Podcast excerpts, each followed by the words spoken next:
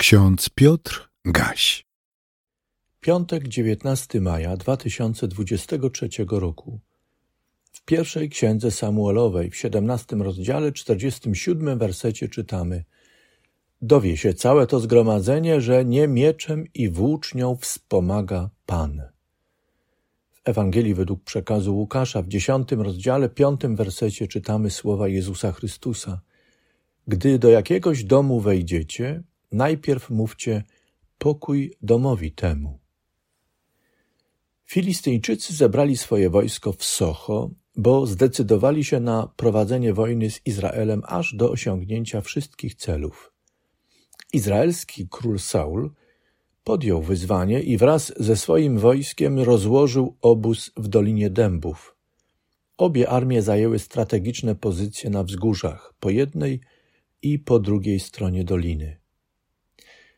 W ramach działań zaczepnych wystąpił spośród Filistyńczyków pewien harcownik o imieniu Goliat z Gat, człowiek rosły i świetnie uzbrojony. Goliat znał żołnierskie rzemiosło, umiał także prowokować ciętym słowem i zniewagami. Pewny siebie wystąpił przed szeregi Filistyńczyków, aby prowokować i lżyć Saula oraz jego wojsko. Dla Izraelitów sytuacja była nieznośna, ale nikt z nich nie chciał stanąć do walki z Goliatem i wziąć na siebie odpowiedzialność za rozstrzygający pojedynek. Pewnie pamiętamy, że w obozie Saula pojawił się również Dawid. Wypytywał izraelskich wojowników o aktualną sytuację, także o Goliata. Dziwił się i oburzał, że nikt nie stanął przeciwko Goliatowi. Młodzieńcza zuchwałość, brak wyobraźni, a może zarozumiałość ze strony młodego Dawida? Eliab, najstarszy brat Dawida, widząc swojego młodszego brata rozprawiającego z wojownikami, powiedział napominająco i ze szczyptą złośliwej irytacji: Po co właściwie tu przyszedłeś? I komu powierzyłeś tych kilka owiec na pustyni? Znam ja Twoją zuchwałość i złość Twojego serca, a przyszedłeś tutaj tylko, aby się przyglądać bitwie. Kiedy doniesiono królowi Saulowi o śmiałych rozmowach Dawida z jego wojownikami, król kazał przyprowadzić go do siebie. Co Dawid powiedział królowi? Zacytuję jego słowa. Niech w nikim nie upada serce z powodu tamtego, Goliata. Twój sługa pójdzie i będzie walczył z tym Filistyjczykiem. Wiele bym dał, żeby zobaczyć twarz króla i jego sztabu po tak mocnych słowach. Przecież Dawid upomniał króla Saula i jego sztab. Już tym wystąpieniem de facto wyszedł przed szeregi Izraela, by walczyć, a tym samym wziąć na siebie odpowiedzialność za Izrael. Odważny czy zuchwały? Rzeczywiście tak mocny, by walczyć z Goliatem, czy po prostu głupi?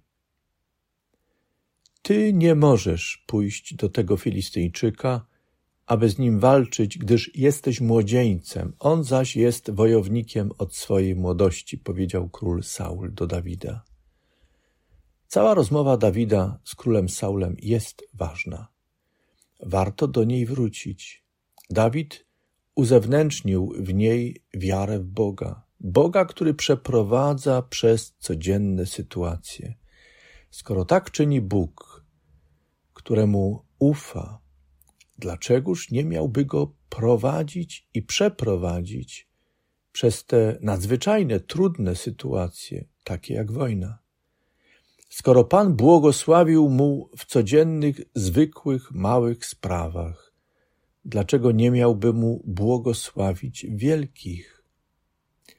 Dowie się całe to zgromadzenie, że nie mieczem i włócznią wspomaga Pan. To inspirująca konkluzja Dawida wypowiedziana przed całym zgromadzeniem.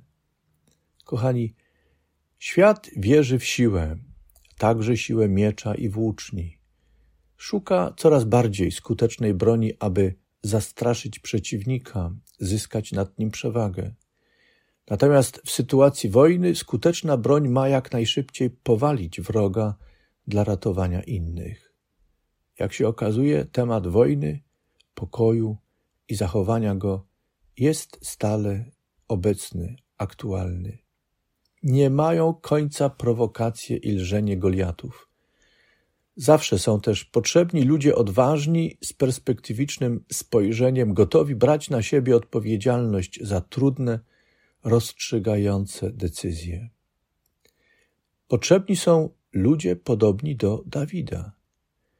Dawid został przedstawiony przez starotestamentowego narratora jako człowiek niedoświadczony, nieznający rzemiosła żołnierskiego. Zarazem rozpoznajemy w nim człowieka wierzącego Bogu. Wierząc, Dawid cieszył się wolnością, wolnością zakorzenioną w wierze. Bóg przysposobił go do przyjmowania i wypełniania odpowiedzialności za codzienne sprawy, zarówno te małe, jak i te wielkie. Stojąc nawet przed największymi i najpotężniejszymi ludźmi w tym świecie, Dawid wiedział, że wraz z nimi wszystkimi jednocześnie staje przed najwyższym, wszechmogącym Bogiem, do którego zawsze należy ostatnie słowo i jedynie On ostatecznie wszystko rozstrzyga. Do jakiego rozstrzygnięcia doprowadza Bóg? Gdy do jakiegoś domu wejdziecie, mówi Pan Jezus, najpierw mówcie pokój domowi temu. Podobnie jak Dawid, my służymy Bogu, który daje siłę wolności i pokoju. Wierzymy Bogu, który posyła nas, abyśmy głosili wolność i pokój definiowane i chronione przez Boga w Jego wskazaniach jego przykazaniach. To ważne. Wolność i pokój chronią Boże przykazania. One bowiem wytyczają drogę przez najtrudniejsze, złożone sytuacje, niejednokrotnie jeszcze trudniejsze od tej z Doliny Dębów. Petros Berga z Etiopii tak modli się. Ześlij nam swoją łaskę, abyśmy nie zostali pokonani przez bierność obojętność czy strach. Obyśmy z zaangażowaniem opowiadali się za pokojem. Obdasz nas silną wolą i mocą do odnajdywania ścieżki pokoju i podążania nią.